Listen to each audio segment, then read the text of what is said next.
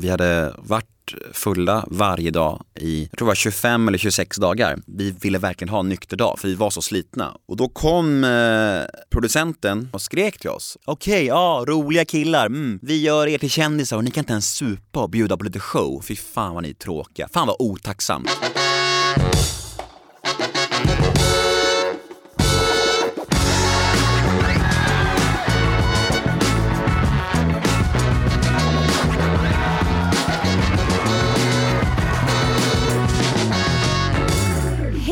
Och välkomna till Gott folk. Podden där jag, Hanna, träffar kända personer i ett försök att komma människans natur lite närmre. Vad är egentligen en bra människa och hur hanterar man att hamna i svåra moraliska dilemman? Veckans gäst är Nemo Hedén. Eh, 32-åriga Nemo blev känd i Sveriges kanske stökigaste dokusåpa Kungarna av Tylösand. Jag såg ju vartenda avsnitt och minns speciellt deltagarna Nemo och eh, Joakim, alltså Jockiboi, Joakim Lundell, eh, som var två personer som jag då kände mig lite tveksam till tyckte att de hade en kass kvinnosyn. Det var mycket så utnyttja tjejer och grabbighet som jag redan då föraktade. Eh, men nästan ett decennium har ju gått sedan dess. Numera lever Nemo nyktert. Han föreläser, han eh, har gått tolvstegsprogrammet, är sponsor åt andra som är i missbruk eller försöker komma ur missbruk. Eh, och han har en av Sveriges största poddar. När jag har researchat på Nemo så har jag läst många intervjuer och alla de tycker jag handlar om att han ångrar en massa saker ur sitt tidigare liv. Och Jag undrar lite hur det är att leva så. Kan man vara en god människa med ett skamfyllt och syndigt bagage? Och hur lång tid tar det egentligen att bli förlåten? Och måste man bli det för att kunna gå vidare som någon slags god person? Ska inte stänga dörren? Ska jag göra det? Om du orkar. Jag kan också göra det. Är det så ni behandlar gästerna här? ja. Fy fan. Sorry. Jag ska skriva en grej lite snabbt här. Mm, mm, mm, ja, hur känns det att sitta på andra sidan Ja, andra sidan micken säger man kanske inte, men du, du, du ska ju bli intervjuad nu. Ja. Du brukar ju intervjua mycket med din podd Nemo möter en vän. Mm. Jag eh, älskar det här. Mm. Nej, men... Nu äntligen får du stå i fokus. Precis. Jag skaffade en podd för att någon gång få bli intervjuad och mm. äntligen nu är jag här. Skönt. Nej men, men det, det, känns ju kul. Jag tycker ju om både att lyssna och att prata. Jag tycker om samtal liksom. Ah. Så jag, jag är väldigt eh, peppad på det här. Sen har jag ju faktiskt lyssnat på din podd lite grann. Jaha, ja. innan du fick frågan? Ja. ja. Mm. Kul. Vilket avsnitt har du lyssnat på då? Mm, kan du rekommendera jag lyssnarna? Jag har lyssnat på Jerka, jag mm. har lyssnat på Kalle och jag har lyssnat på Alex. Ja, kul att du har lyssnat på Kalle Schulman. Han kommer ju vara lite återkommande i den här, i den här intervjun med dig. Åh, oh, eh. gud jag misstänkte det.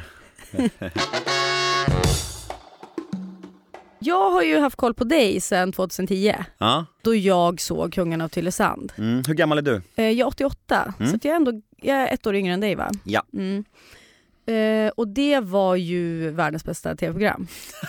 Nej men alltså jag, jag älskar ju också, jag såg ju första säsongen av Jersey Shore, alltså det är ju lite samma det, var, mm. det är ju samma grej i princip. Vi skulle göra en svensk version på mm. Jersey Shore så det skulle ju vara i princip exakt samma. Men du som har sett originalet, tycker du att vi levde upp till Jersey Shore? Eh, ja, ja, det tyckte jag. Alltså, eh, absolut. Men en sak som jag verkligen fick panik över var ju att jag för första gången hörde min egen dialekt på TV mm. och, och fick bara så här, va? är det sådär jag låter som Erika? Att jag pratar liksom så, för jag är också från Sundsvall. Mm. Eh, så att det var också en sån här aha-upplevelse. Men i, i övrigt så tyckte jag verkligen att ni, ni levde upp eh, mm. till eh, vad kul att höra, tack! Mm, mm. Ja, men det var ju drama, det var ju, jag minns mycket, många scener från den här bubbelpoolen och sådär. Eh, så att jag har ju haft koll på dig. Mm. Eh, läste också din blogg tror jag. Jag, alltså jag har läst den några gånger. Liksom. På den tiden? Mm, precis, mm. på den tiden.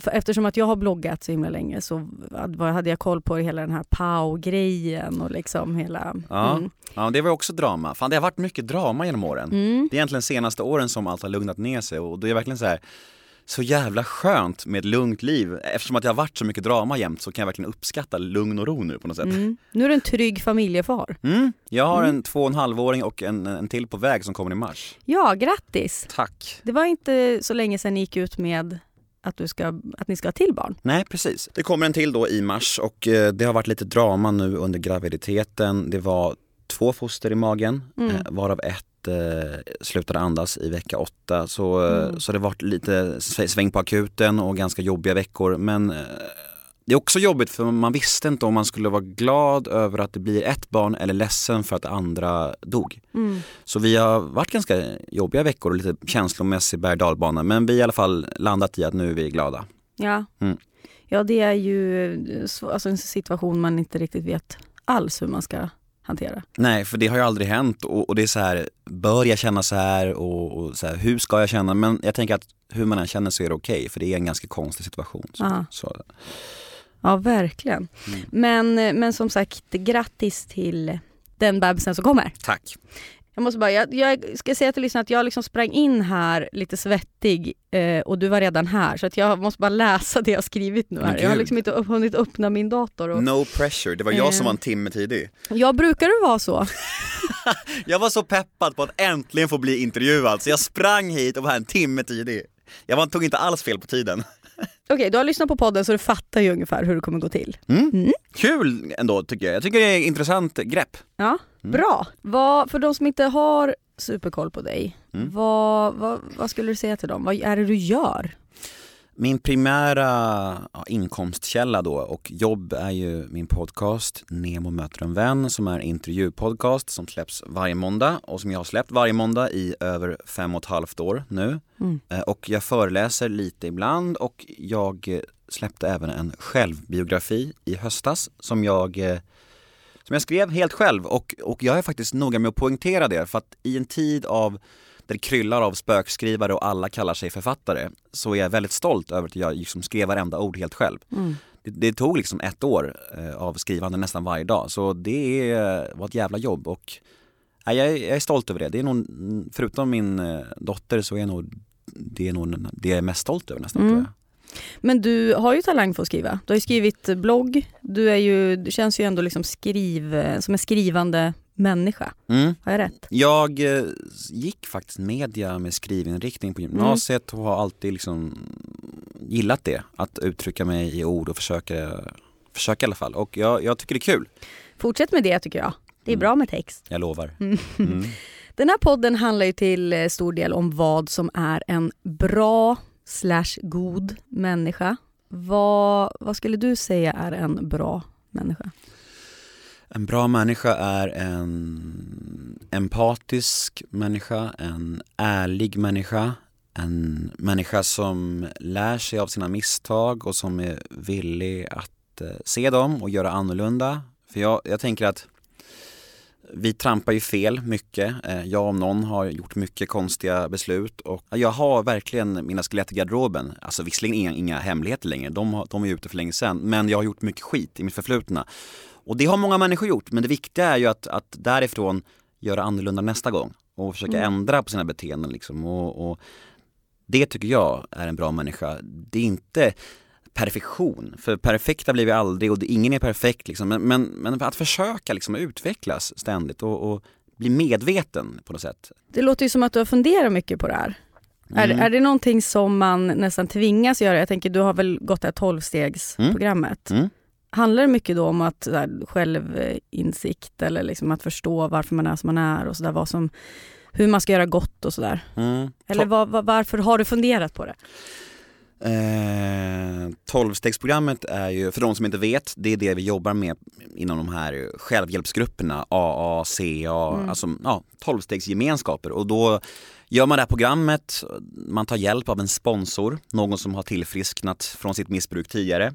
Idag är jag sponsor till andra killar, Mm. liksom, det, det går all way around. Mm. Eh, jag har tre killar idag som jag hjälper på daglig basis Mm. med sina missbruk. Och Shit vilket ansvar. Ja, det är, det är skitstort alltså. Och det är supermäktigt att få äran att liksom hjälpa andra som Mm. har samma problem som jag hade för fyra år sedan. Eh, Det blir också väldigt bra för mig för att när jag tar mig an en ny kille då påminns ju jag om hur det var för mig för fyra år sedan. Mm. Jag ser ju liksom hans hopplösa ögon, hans, hans smärta, hans sorg. Och sen så får jag också vara med om, om när hoppet tänds i hans ögon liksom. Mm. Det funkar, det finns en lösning. Eh, Så det är jävligt mäktigt att få, att få ge vidare det som jag har fått. Och, eh, och hela programmet bygger mycket på att ja, men, arbeta med sina karaktärsdefekter och varför super jag? Varför knarkar jag? Så man måste kika på sig själv och jag tror att det är otroligt viktigt att göra. Framförallt om man har levt flera år i, i mörkret. Mm. Skulle du säga att du ser dig själv som en eh, bra person idag? Alltså jag brottas ju fortfarande med otroligt stukad eh, självkänsla och eh, det är nog därför jag är så känslig och, och lätt, lätt påverkad av kommentarer och, och så yttre grejer. Men, men det är ändå mycket bättre idag än för några år sedan. Mm. Jag tror att det där är också en eh, livslång process att liksom laga, att få en stark självkänsla. Det händer ju inte på Alltså, knappt, inte, inte ens på några år tror jag. Jag tror att det tar, det tar lång tid alltså.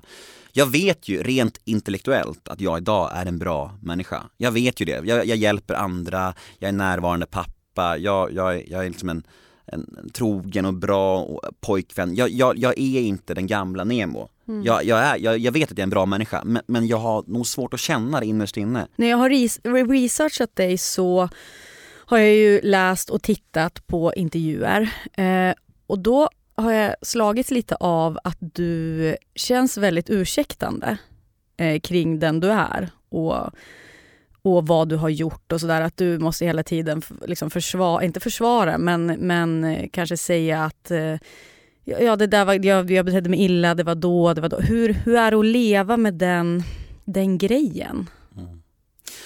Ja, det är en bra fråga. Jag tror att jag är överdrivet självreflekterande. Eh, Det blir nog för mycket ibland och, och, och ibland kan det liksom gå överstyr. Att jag nästan ber om ursäkt för saker som inte är någonting att be om ursäkt för. Mm. För jag har så lätt att hamna i skuld och skam. Det är liksom Mm. min grundposition.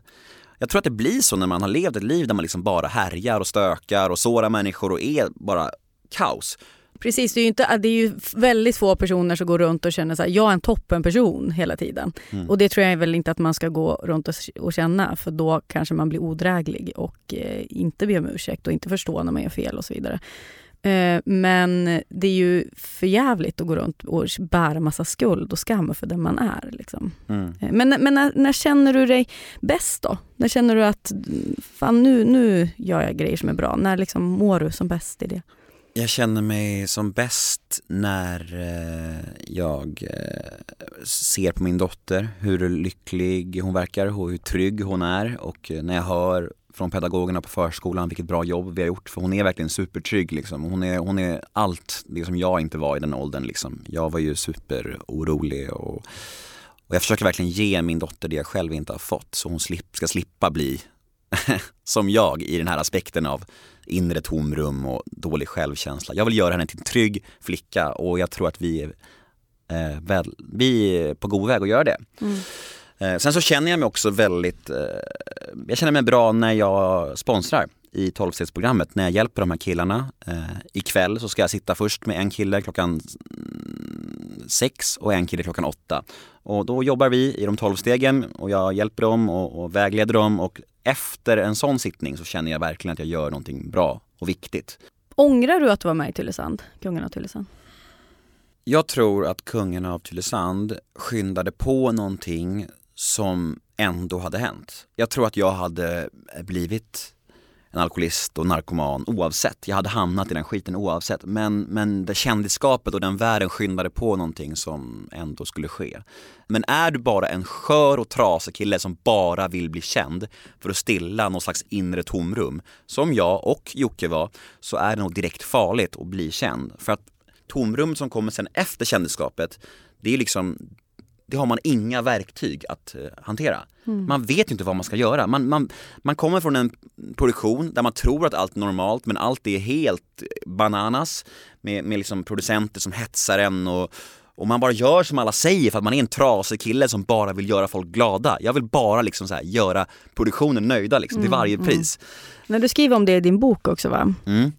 Att de hetsade er till att dricka när ni inte ville dricka och så vidare. Mm, det var ju en incident eh, när jag och Jocke satt i poolen och vi hade varit fulla varje dag eh, i jag tror det var 25 eller 26 dagar. Och produktionen började lida mot sitt slut och eh, vi ville verkligen ha en nykter dag för vi var så slitna.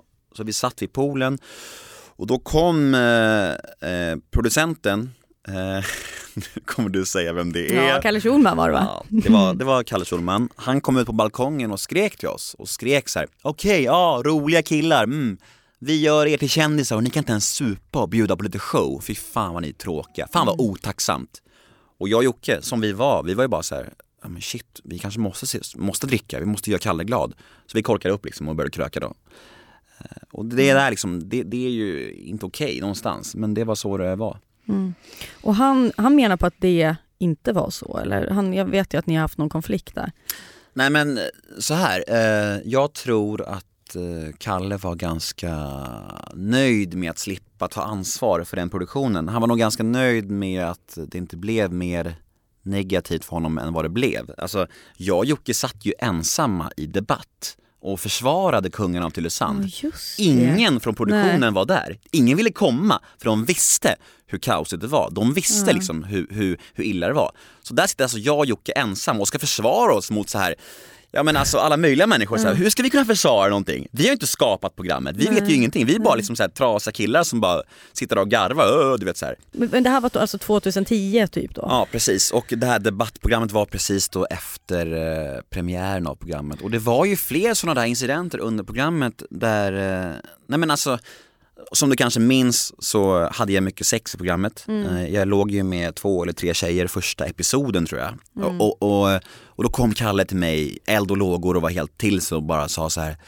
det här är fan, det här är guld-tv. Mm. Alltså om du fortsätter ligga med en tjej per kväll så får du fan en resa vart du vill i hela världen. Mm, mm. Det är ju ja. Sån utnyttjande av ja. människor. Liksom. Exakt, mm. och, och, och, ja, Ja, det var så det såg ut liksom, lite grann. Och, och jag i min bok då, jag skrev bara exakt hur det var. Och anledningen till att Kalle blev så arg är nog för att han har lyckats undvika konsekvenser för det här programmet i flera års tid. Och jag tror att det stack väldigt mycket honom och gjorde honom rädd.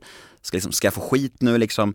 Så han behandlade väl det på det sättet som han behandlar saker, att liksom bara blocka mig överallt, förneka allt, huvudet i sanden liksom. Mm. Mm. Ja, nu är inte Kalle här och kan försvara sig.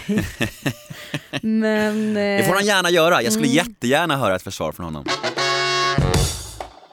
Men jag tänker, någonting som jag, Hanna Persson, då satt hemma på kammaren och tänkte på och var liksom förbannad över eh, kring det här programmet. Jag kanske inte såg er som trasiga killar, jag såg ju mer så här hur ni behandlade tjejer där.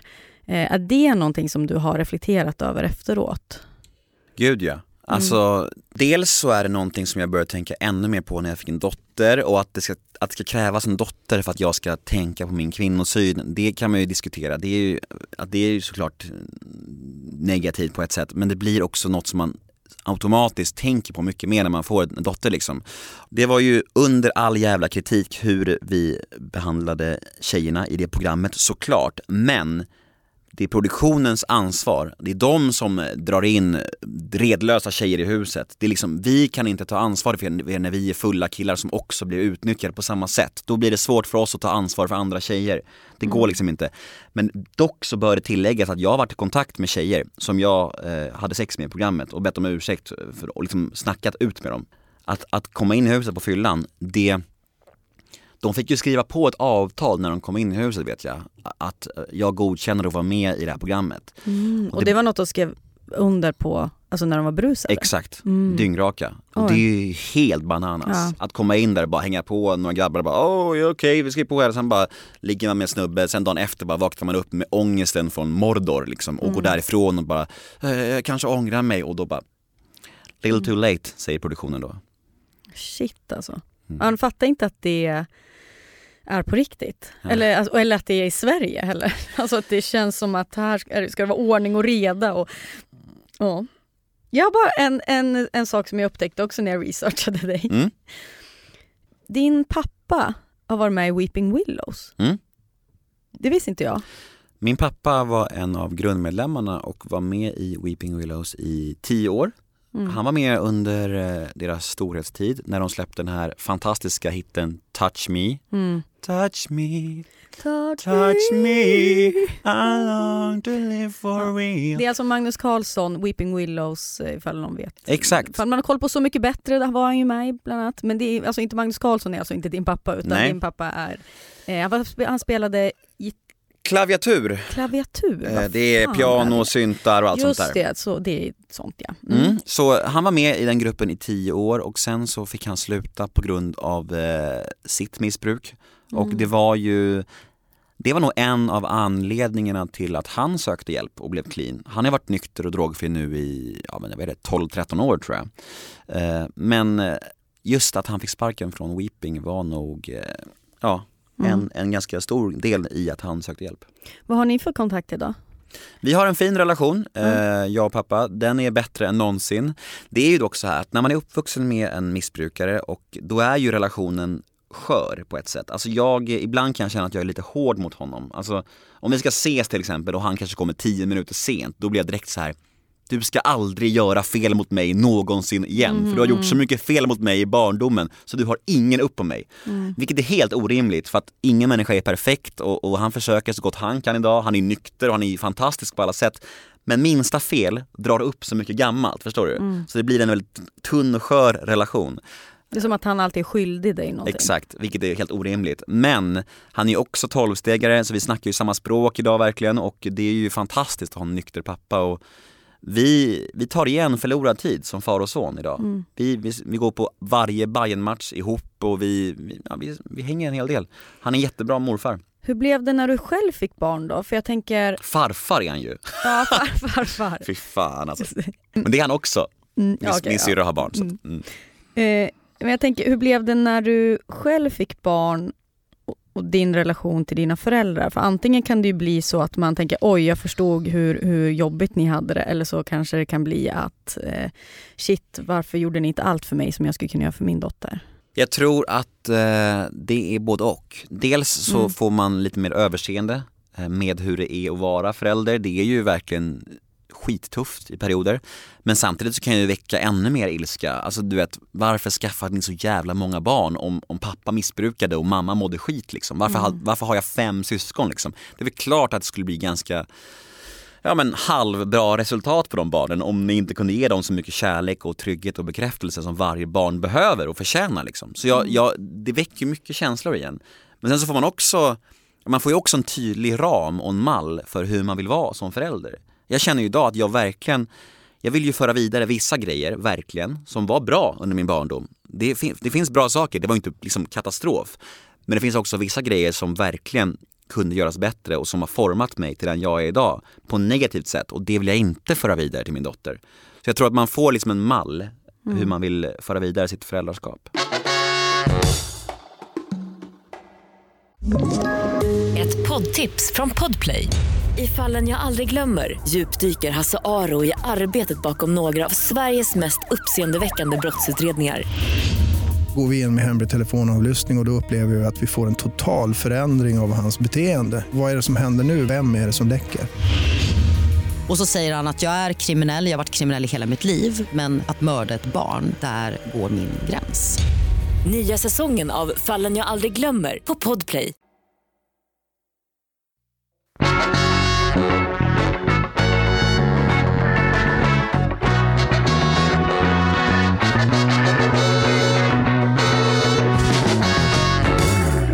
du mycket? Jag ljuger eh, väldigt lite idag. Eh, jag var otroligt, otroligt förljugen när jag blev clean. Alltså där för fyra år sedan så var jag så förljugen att jag ljög tvångsmässigt. Om någon frågade vart jag var så kunde jag säga ICA istället för Coop bara för sakens skull. Jag var väldigt förljugen. Och jag tror att som missbrukare så blir man det. Det är liksom en del av beroendesjukdomen, oärlighet. Eh, det är därför också idag, i det här 12-stegsprogrammet så ingår en inventering som man gör varje kväll. Där man skriver ner på ett papper, har jag varit oärlig idag? Har jag varit självisk idag? Har jag varit rädd? Har jag varit mm. arg? Visst, jag är fortfarande oärlig, men när jag är det så får jag se det på kvällen i min inventering och då kan jag ställa det till rätta. Mm. Vad kan oärligheterna vara? Alltså jag menar lite oärlig, ska man inte få vara det då? Jo, självklart. Alltså om min eh, tjej säger till mig idag att gud jag känner mig så tjock eh, för att hon är gravid nu liksom, Mm. jag känner mig så lös i kroppen och så här, då är det klart att inte jag säger jo det är du. Det, det, jag är inte psykopat liksom. Då säger jag att hon är fantastisk och vacker och, och bäst. Ja, men menar du att det är lugn då? Tycker du inte att hon är vacker och bäst? Jo men jag, Ja, hon är ju också lite fetare för att hon är gravid. såklart, Ja. men det är det jag menar, det blir ju en lögn på ett sätt men det blir ju såklart inte en lögn också. Ja, det kanske var ett dåligt exempel men du förstår vad jag menar ändå. Jag fattar, jag Ja, fattar.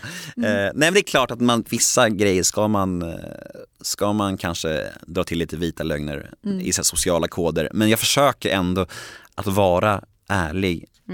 Nu ska vi köra någonting som heter moralsnabbisen. Jag kommer ställa snabba frågor och du kommer ge mm, kanske långa svar. Vi får se. Äter du kött? Ja, Varför? För att det är gott antar jag och för att jag, eh, för att det är en vana. Jag borde inte, fy fan vad alla svarar det när man har sagt ja först, att jag borde inte. Jag kan verkligen känna det. Att det Men eh, Nej men som sagt, det är, jag har en familj, en stor familj som sagt, vi är ju sex syskon och eh, varav tre är veganer så varje familjehäng får man ju höra det och, och de är ganska bra på att eh, guilt-trippa en.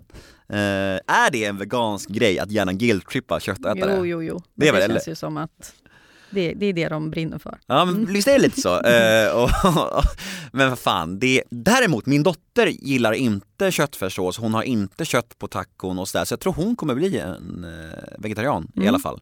Det är spännande. Har du klimatångest? Nej. Varför tror du att du inte har det?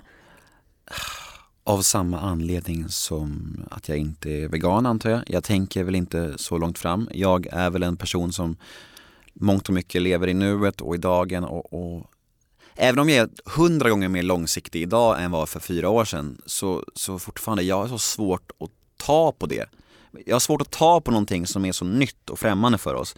Och jag älskar vad, vad, vad Greta och alla de här gör för oss, alltså de som pratar om det och tar det på allvar. Men jag kan inte det än och det är en, jag tror att det är supervanligt, alltså tyvärr. Och det säger jag inte för att ursäkta mig Mm. Nej, själv. nej, det är jätte... Alltså var ärlig. Det är bra. Men det är konstigt det där, att, att det är så svårt att ta på ett allvar som, som är så nytt och främmande. Mm. Jag Här. tror att det är viktigt att undervisa folk i vad som kommer hända och vad som kan hända. Det kanske kan få folk att ta det mer på allvar. Mm, ja, verkligen. Är det okej att köpa sex?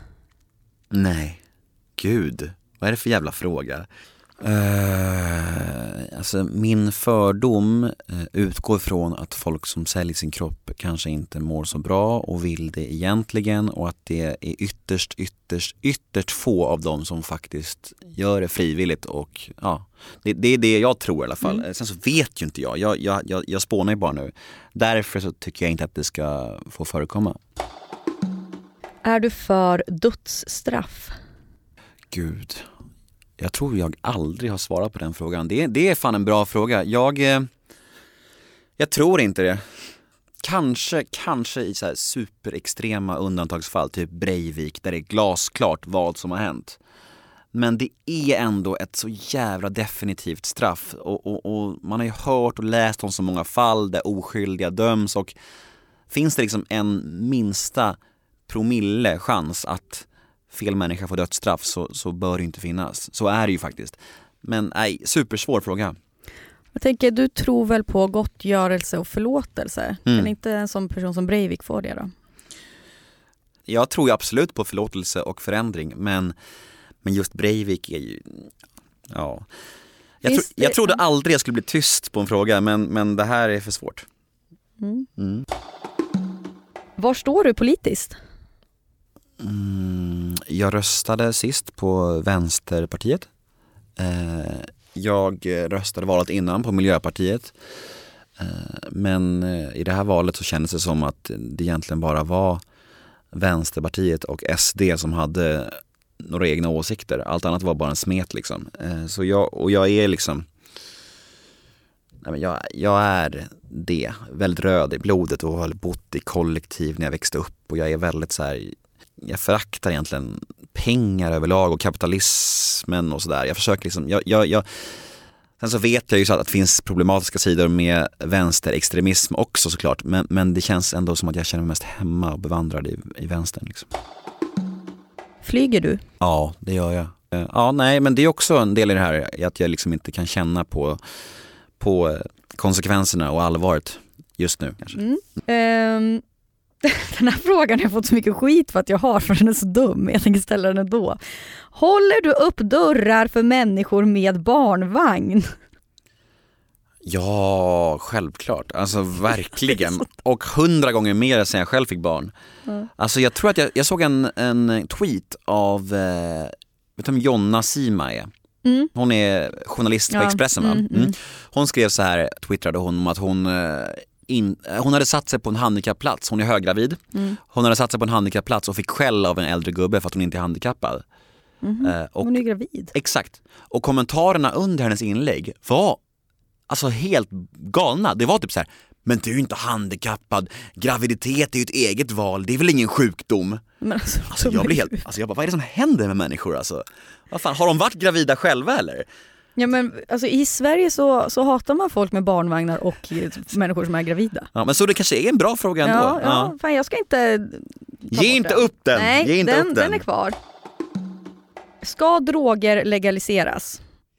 Jag tycker det är en superkomplex fråga som jag skulle kunna prata om i, i flera timmar. Men om vi ska försöka hålla det någorlunda kortfattat så tycker jag nog att det ska finnas medicinsk marijuana för de som eh, får det utskrivet och där det verkligen kan lindra smärta och där det verkligen hjälper. Jag tycker inte vanlig marijuana eller andra droger ska legaliseras.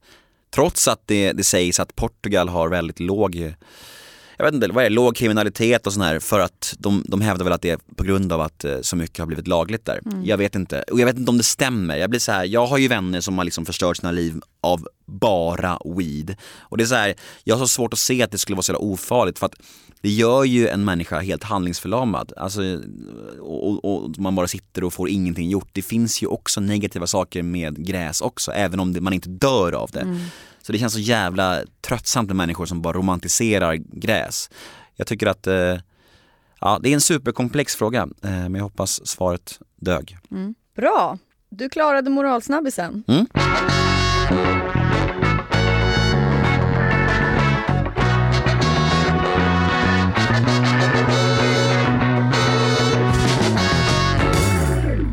Del i den här podden som heter Vad sa du sa du? Där jag lyfter ett citat Uff. från gästen.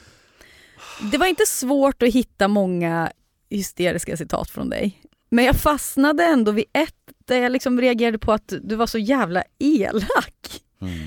Eh, och det, nu vet ju jag med din liksom, eh, ångest kring hur du kanske, du kanske var påverkad när du skrev det här, vad vet jag? När är det? 2010? Ah, ja, okej. Mm. Men då, då kan du inte säga någonting som gör mig obekväm. Nej okej. Eh, det här skrev du då på din blogg. Bloggen till och med! Hur fan, åh! Det handlar om eh, Pernilla Wahlgren. åh. Citat, titta på hennes ansikte en sekund bara. Ser det äkta ut? Leendet? Eller ser det ut som eh, det mest påklistrade någonsin? Eller har hon opererat fast ett äckligt, plastigt, falskt leende på sitt ansikte? Denna jävla familj alltså. Allihopa. Linus, Niklas och sist men inte minst den vedervärdiga Benjamin. Ja.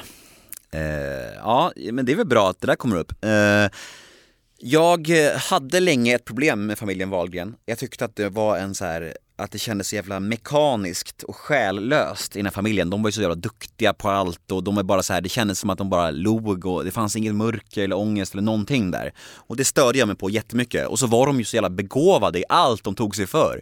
Slängde man in en Wahlgren i Let's Dance så vann han liksom. Det var ju alltid samma sak. Så att jag tror att det provocerade mig otroligt mycket back in the Ja, days. uppenbarligen. Ja, jo men, men också det, om du nu har läst min bok eller ni som har det, det, ett helt kapitel där handlar ju om mitt skitsnack.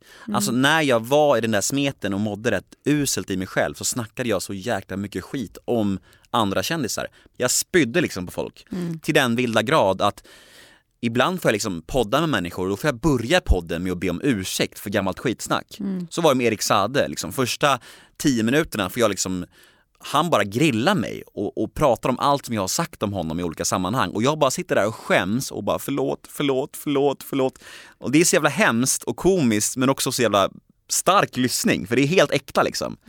Eh, Samtidigt, vad fan. Okej, nu kanske jag är väldigt förlåtande men jag menar om en om, alltså, som familjen Wahlgren eller typ Erik Saade som har så en superkarriär och ändå det har gått kanon, kan man inte liksom Vissa saker, det beror på hur skitsnacket är förstås, men om det är lite gjort med finess, alltså lite kul. Jag vet inte, om det är tydligt också att du sparkade uppåt. Jag menar Mm. du hade varit med i Kungarna till Tylösand, det var inte så att du satt på världens största maktfaktor med att du har mycket följare. Alltså, förstår du lite vad jag menar? Att, Jag tror att jag sa att han hade, att han, han hade sagt i Värvet att han, eh, när han fick panikångest så lindrade han det med att spela FIFA. Och då sa jag så här, det, då har du aldrig haft panikångest Nej. mannen. Alltså på riktigt, jag har suttit och skakat och velat dö och åkt till akuten för det liksom. Då hjälper inte FIFA liksom. Nej. Och så sa jag att han sjunger nasalt, att han var otrogen mot Molly och sånt där. Alltså det var ganska mycket skit. Jag störde mig otroligt mycket på honom. Och jag har haft sådana där objekt som jag har stört mig på mycket. Vi har haft Erik Sade, familjen Wagen Ingrosso och sådär. Och det är lite olika. Men det som är gemensamt med alla de här människorna, det är ju att jag faktiskt har steg 8 och 9 i 12-stegsprogrammet. Jag har bett om ursäkt till alla. Jag skrev ett långt inlägg på Instagram för drygt två år sedan där jag verkligen skrev ner det här och bad om ursäkt till både Benjamin, Bianca och allihopa. Och jag tror att alla de kommenterade och skrev hjärtan under och du vet sådär. Så det är liksom, det är utrett. Men absolut, det, jag, jag höll på sådär mycket förr och det berodde ju på att jag mådde så pissigt i mig själv och då blev det som att jag ville liksom bara snacka skit om alla som det gick bra för. Dags för moraliska dilemman. Jag kommer sätta dig i olika hittepå-situationer och du ska agera i dem. Är du redo? Ja, Du blir utvald till att vara castare till ett nytt stort realityprogram. Lönen är bra, alltså du kommer inte behöva jobba på ett tag efter det här bra. Du blir pushad att välja de mest gränslösa människorna du kan hitta. Tar du jobbet? nej. Jag kan inte göra det. Det, det, det skulle döda hela min... Två och en halv miljon på faktura. Åh, vad svårt. Alltså, jag vill ju säga nej. Eh, sen så är jag ju osäker på om jag skulle kunna klara av det med tanke på att jag har två barn liksom och, och eller ja, snart två barn.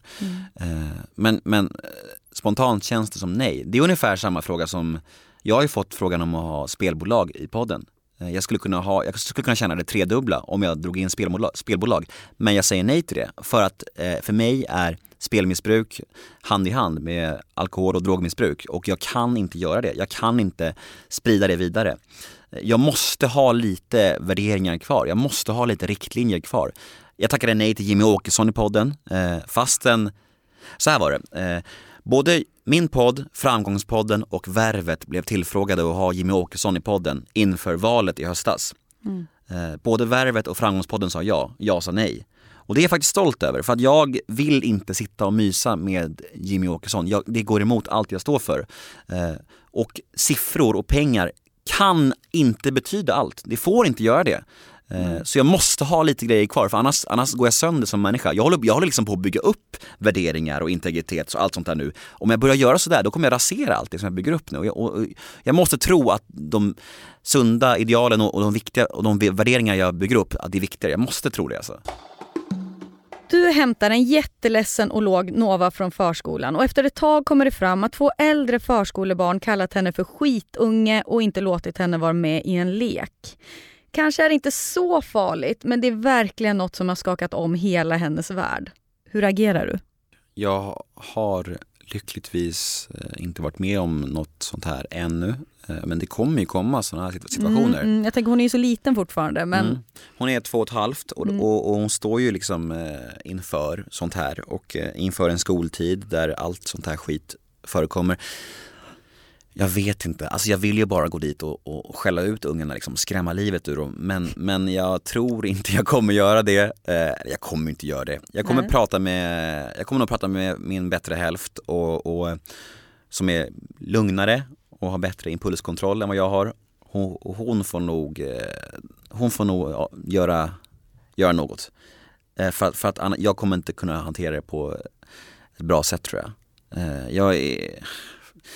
Jag vet ju inte hur jag kommer göra med något sånt. Nej, Alltså nej, jag, nej. Nej, men min, dotter liksom, alltså, du vet, jag, vill säga, jag, tänker, jag tänker bara på när hon är tonåring sen, alltså kommer hon liksom komma hem och någon, någon, någon kille är ett svin mot henne, jag kommer bli knäpp alltså. Jag, jag, jag, jag längtar inte efter den tiden kan jag säga. Jag är rädd för den tiden.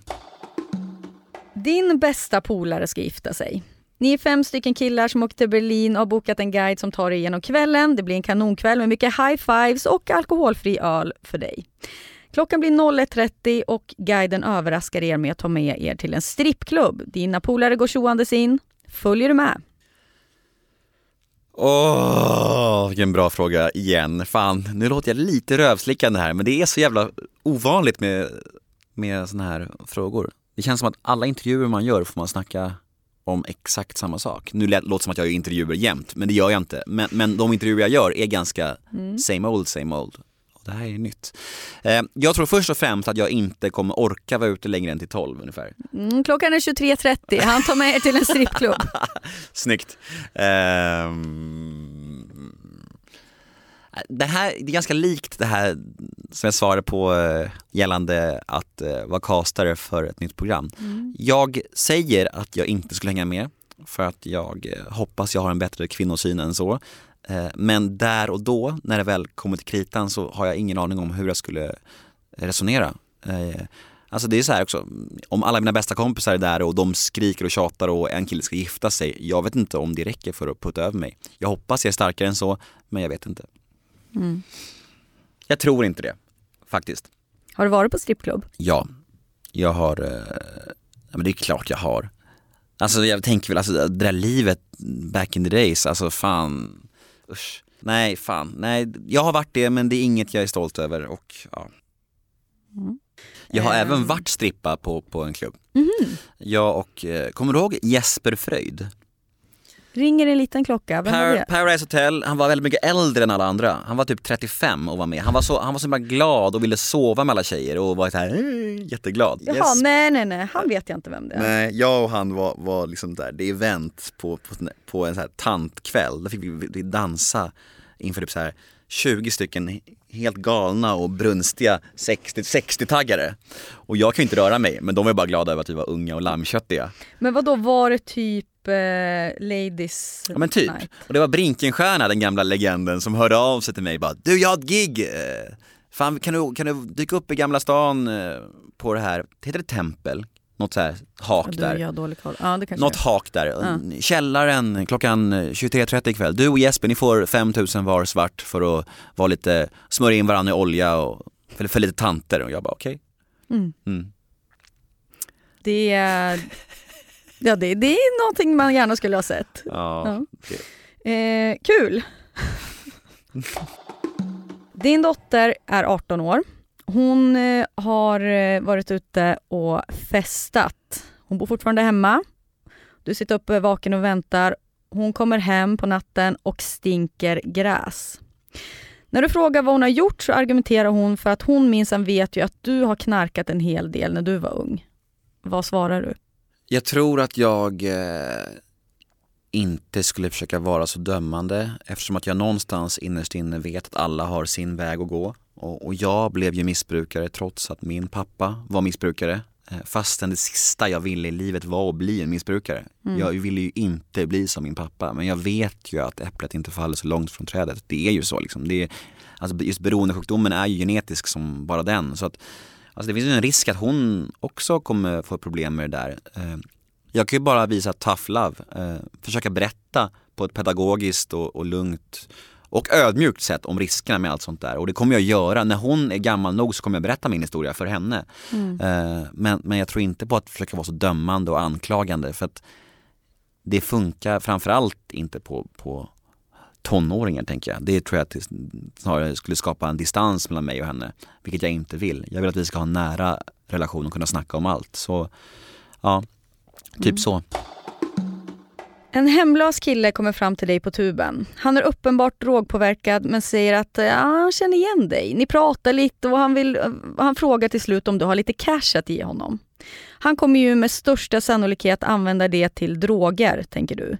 Men han säger att han behöver mat och tak över huvudet för natten. Får han en slant? Nej, jag ger aldrig pengar till folk som är drogpåverkade eller som, som, jag, eh, som jag tycker, det här låter hemskt att säga, men som jag tror och tänker är, är på något sätt eh, missbrukare. Eh, däremot så kan jag säga, följ med på ett möte. Eh, jag kan hjälpa dig att bli nykter och drogfri. Det säger jag ofta till sådana människor. Eh, men mina pengar väljer jag att ge till människor som, som inte ser påverkade ut. Mm. Och det, jag vet inte, det är någonting inom mig som känns, som känns bättre. Jag har följt med drogpåverkade till diverse Pressbyrån och 7-Eleven och köpt en macka, sådana grejer kan jag göra. Mm, mm. Men, men jag, jag, det känns inte bra att ge pengar till folk som är uppenbart påverkade, det, det tar emot.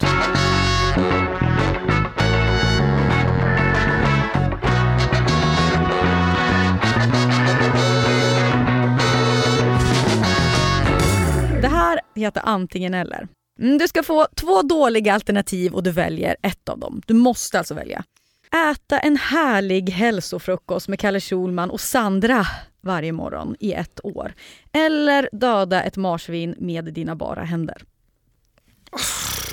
Fan. Ja, jag måste väl... Eh, ja, men jag kör väl på Kalle. Jag tänker att... Det är eh, jobbigt varje morgon. Jättejobbigt, men, men jag tänker att om jag och han skulle försonas och, och, prata ut så skulle vi kunna ha mycket att prata om, tänker jag. Och då kan det ta ungefär ett år kanske att reda ut allt. Mm. Men jag kan inte döda ett djur med bara händerna, vad fan är, är frågan om? Det är ett marsvin.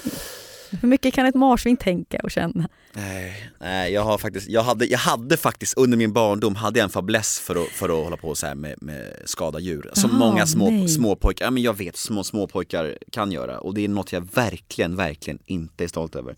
Ja, nej, jag tror att jag väljer Kalle. Mm. Mysigt ni ska ha det. Ja. Mm. Din dotter är som 18-åring med i säsong två av Tylösand. Eller så blir hon politiskt aktiv i Sverigedemokraterna. Åh, oh, fan i dig alltså. Uh...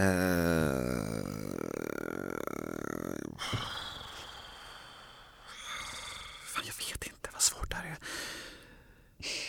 Jag vill verkligen inte att hon är med i, i någon dokusåpa. Alltså jag, jag, det skulle kännas som ett jävla misslyckande för mig alltså. Men, men ja, det, SD är för mig också så här monumentalt misslyckande. Alltså jag vet inte vad jag ska svara, det är typ det svåraste frågan hittills. Fan dig alltså. Ja, jag måste välja. Då väljer jag fan att hon ska vara med i en dokusåpa. För att det skulle vara mer förståeligt, för att det har jag gjort. Mm. Eh, SD är för långt bort. Du skulle kanske kunna liksom, debattera med henne när hon är med i SD så att hon till slut då väljer en annan väg. Men jag skulle, jag skulle tänka, jag skulle tänka så här, hur fan har hon fått sån jävla kass människosyn att hon är med i SD? Det skulle också få mig att känna mig som en usel farsa. Och då är det mer förståeligt att hon gör som jag, förstår du? Mm, att hon vill mm. prova samma resa som jag, för att pappa har ju klarat sig, förstår du? Mm. Antingen så är du känd som en notoriskt otrogen person utan att du behöver vara, vara det. Eh, eller så är du ihop med en som är känd som en notoriskt otrogen person, men som inte heller nödvändigtvis behöver vara det. Man vill ju tro att, att, att så länge man själv och sin partner vet om att man, man eller den andra inte är, är otrogen så är det ju cool på något sätt. Mm. Att då får folk tro vad de vill. och, jag, och jag bryr mig inte så mycket om vad folk tycker om mig, du vet.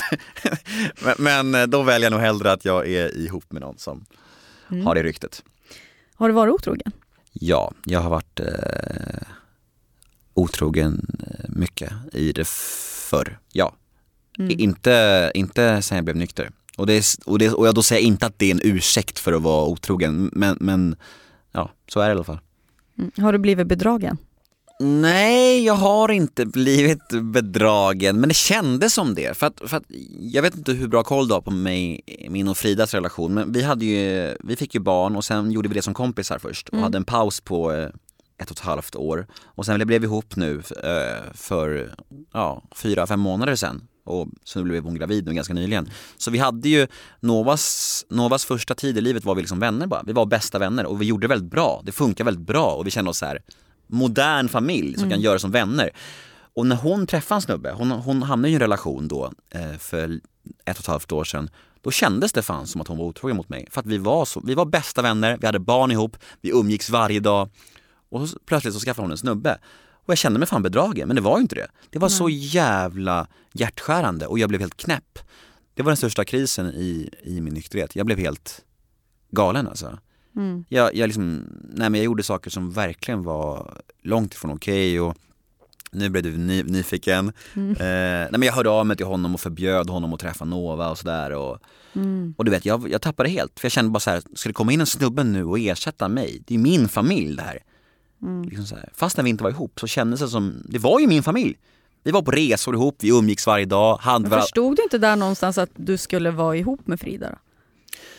Jo men det hade varit så mycket fokus på bara Nova liksom. Vi ville Mm. ge Nova allting så vi liksom hade glömt bort varandra och vad vi ens kände för varandra. Det var liksom inte aktuellt bara. Och, och det, det, ja, det blev, så träffade hon en snubbe och då, och då, och då fattade jag någonstans att så här, det låter så jävla snubbigt och äckligt att, att, jag, att jag då fattade att jag ville ha henne. Men, men, men det kanske krävdes det Mm. på Ja, något men sätt. det är väl inte så konstigt? Nej. Nej, och de var ändå ihop i nästan ett år liksom. Eh, och så jag släppte ju henne och jag var också i en relation och, så här, och dejtade så, här, så det, det hade ju en lång paus. Så, men nu i början på våren så stod stjärnorna rätt och, och vi, vi, vi fann varandra igen. Fint. Att aldrig mer få podda eller att fortsätta podda men där alla intäkter du någonsin gör på din podd går oavkortat till SDUs fikakassa, det vill säga Sverigedemokraternas ungdomsförbunds fikakassa. Eller kanske superkassa då. Ja, först, Många först, först, ja, väldigt många Smirnoff är det där. Eh, alternativ nummer ett. Du, podd, du slutar podda? Ja, absolut. Alltså jag, jag ska vara helt ärlig, jag har ju släppt 256 avsnitt. Det är helt sjukt. Mm. Det är inte så att jag känner att det är det roligaste i mitt liv längre. Jag tycker att det, att det ibland så gnistrar det till och jag känner den här, det här ruset av att fan vad det här är kul. Mm. Men för mig är det ett jobb idag liksom. Det, det, det, det är framförallt ett jobb.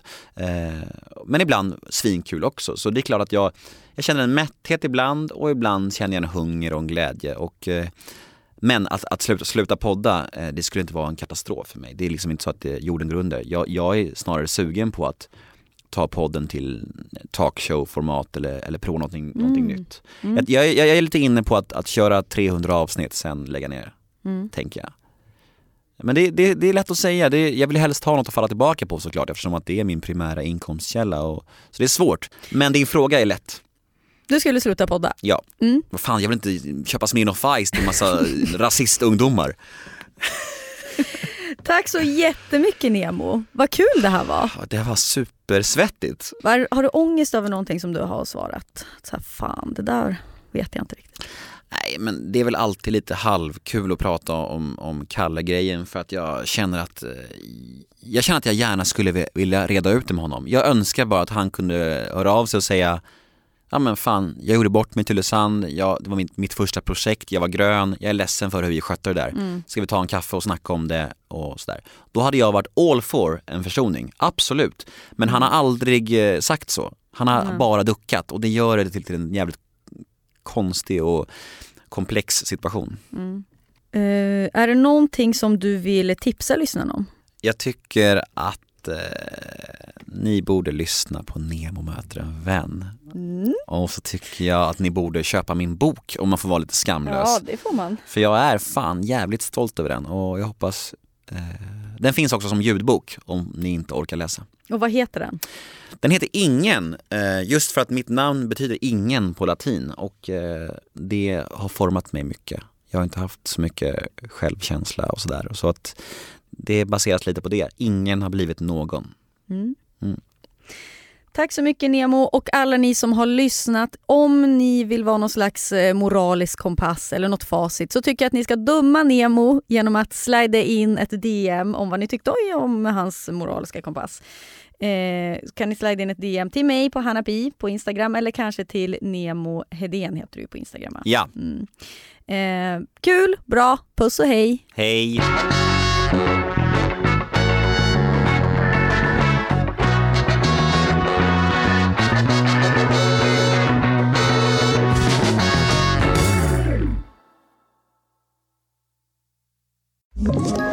Ett poddtips från Podplay. I podden Något Kaiko garanterar östgötarna Brutti och jag, Davva, dig en stor dos skratt. Där följer jag pladask för köttätandet igen. Man är lite som en jävla vampyr. Man har fått lite blodsmak och då måste man ha mer.